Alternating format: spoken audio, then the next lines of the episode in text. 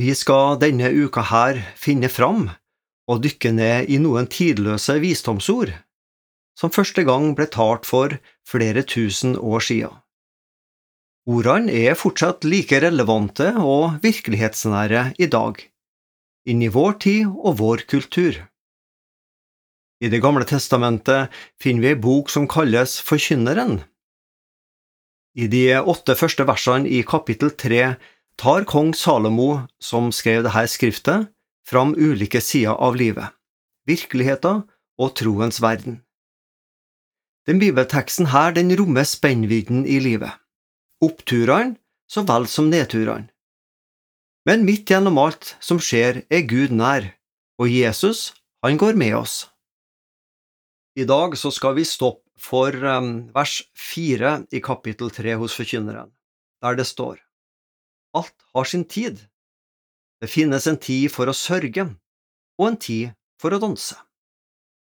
Altså en tid for sorg og en tid for dans. Sorg og sørge Ja, sikkert nærmere 100 bibelvers om det. Bibelen det er ingen lærebok i filosofi, men det er fortellinger om personer som sørger.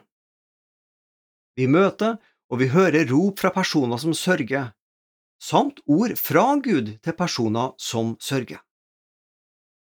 Bibelen er på ingen måte ei sørgelig bok, men i høyeste grad ei bok om sorg og til sørgende.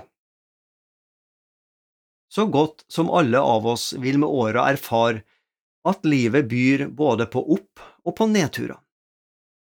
Også motbakkene vil uunngåelig møte oss, for noen brattere og tyngre enn for andre. Jeg har lyst i dag å fortelle historie om ei dame som i menigheta vi begge to går i, delt sin livshistorie fra sorgens landskap. Sammen med resten av familien hadde hun møtt livets bratteste motbakke hardt og brutalt. Tidlig i tenåra mista hun mora i sykdom. Døden frarøva ungdommen den tryggheten mora representerte i jentas liv. Mange år senere står hun bak en talerstol og forteller menigheten om sitt livs største sorg. Nå, trygg i troa, deler hun sine erfaringer med sorgarbeidet hun måtte gå gjennom. Dama ønsker å fortelle om hvor Gud var i tider med sorg. Hun sier, Uten troa mi og Gud tror jeg ikke at jeg hadde kommet gjennom denne sorgen. Ja, hun blar opp i Bibelen og så deler hun disse visdomsordene fra kong Salomo i Det gamle testamentet, at det finnes en tid til å sørge og en tid til å danse. Vi skal bruke tid til å sørge over tapet og få være i sorgen. De som opplever store tap, kan vitne at sorgen ofte kommer i ulike faser.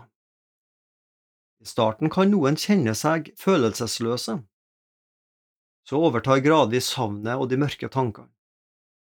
I denne perioden kan mange kjenne at Gud oppleves fjern.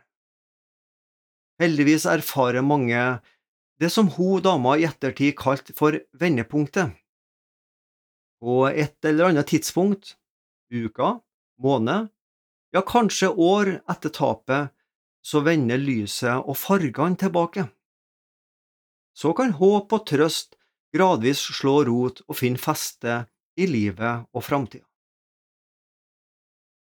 Dama forteller også menigheten om hvordan dansen, som et bilde på gleden i livet, hjalp henne. Dansen representerer takken og gleden over Guds velsignelser og de gode opplevelsene vi kan få. Hun eh, sier, Sorgen og dansen går sammen, de avløser hverandre. Uten sorgen mister dansen noe av sin glede, og uten dansen så blir sorgen for tung å bære. Dette legger hun inn over oss som lytter når hun taler. I bakspeilet kan mange, som blant annet denne tenåringen som mista mora si, erfare at sorgen og dansen går side om side, nærmest som i en pardans. Hold derfor fast på at Gud holder si usynlige hånd fast ved oss både i tida med sorg og i tida med dans. Alt har sin tid. Sorgen har sin tid. Dansen har heldigvis også sin tid. Sorgen og dansen kommer ikke alltid i hver sin tid og epoke. Ja, av og til erfarer noen også at sorgen og dansen lever side om side, nærmest som i en pardans. Bibelens forfattere skriver en god del om sorgen, tar oss med inn i sorgens landskap. Krig, motgang, sult, pandemier, barn som dør, ja, lista over motganger i livet kan gjøres veldig lang. Og samtidig kan vi kjenne oss igjen i sorgen over å synde mot Guds gode vilje, bud og formaninger vi ikke makter å leve opp. Noen kan sikkert synes det blir vel mye sorg og klage i Bibelen, med klagesanger og en egen bok kalt nettopp Klagesangene. Jeg derimot sier heldigvis, takk og lov, at Bibelen også vier stor plass til livets besværligheter. At jeg i Guds ord finner ord og leser om personer som hjelper meg å bedre se mitt livs vanskeligheter i lys av Guds vilje. Og samtidig, Bibelen gir også stor plass til gleden og dansen. Noen er gjerne vokst opp med at alt som forbindes med ordet dans, er synd, Vel, nå var det vel ikke selve dansen da som var synd, men alt den visstnok skulle føre med seg. Men i Bibelen leser vi om troende som dansa av glede da de opplevde Guds frelse. Jesus sjøl fortalte oss lignelsen som vi for ettertida har kalt Den bortkomne sønn i Lukas 15. Sønnen som kom til sannes erkjennelse om eget syndig liv, vendte hjem igjen. Hans far tok imot han, tilga han. Om storebroren, som alltid hadde vært hjemme, så sier Jesus. Men den eldste sønnen hans var ute på barken. Da han gikk hjemover og nærmet seg huset, hørte han spill og dans. Ja, slik bruker altså Jesus dansen som et bilde på hva som skjer i hjertet på et menneske som får møte Guds nåde og oppleve tilgivelse for sine synder. I Matteusevangeliet leser vi om en gang Jesus skulle forklare jødefolkets manglende reaksjon når døperen Johannes kalte dem tomvendelse. De ville ikke høre på han. De ville verken la hans forkynnelse dømme deres syndige liv, heller ikke la døperens ord forkynne dem Herrens tilgivelse. Denne mangelen på lydighet mot Guds ord framstiller Jesus billedlig på følgende måte. Vi spilte på fløyte for dere, men dere ville ikke danse. Vi sang klagesanger, men dere ville ikke gråte. En tid til dans og en tid til klage.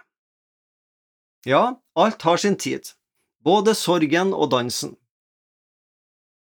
Kvinna jeg i starten av andakten fortalte om, hun opplevde gradvis at Gud snudde hennes sorg og tap over mora så altfor tidlige død, til dans og glede. På hver vår måte erfarer vi at livet rommer både tapet, men også dansen. Jesus Kristus har lovet oss å være oss like nær når vi sørger som når livet går godt. Ja, nettopp når sorg og tap griper ditt hjerte. Da vil du få oppleve at Guds hånd holder sitt grep ekstra hardt og godt om deg. Åren bibel var ved Svein Anton Hansen. Hver fredag har vi forbundsstund i Norea. Du kan ringe inn ditt forbundsemne på vår telefon 38 14 50 20. 38 14 50 20 mellom klokka 9 og 11.30. Du kan når som helst sende inn ditt forbundsemne på e-post. Bruk adressen post alfakrøllnorea.no.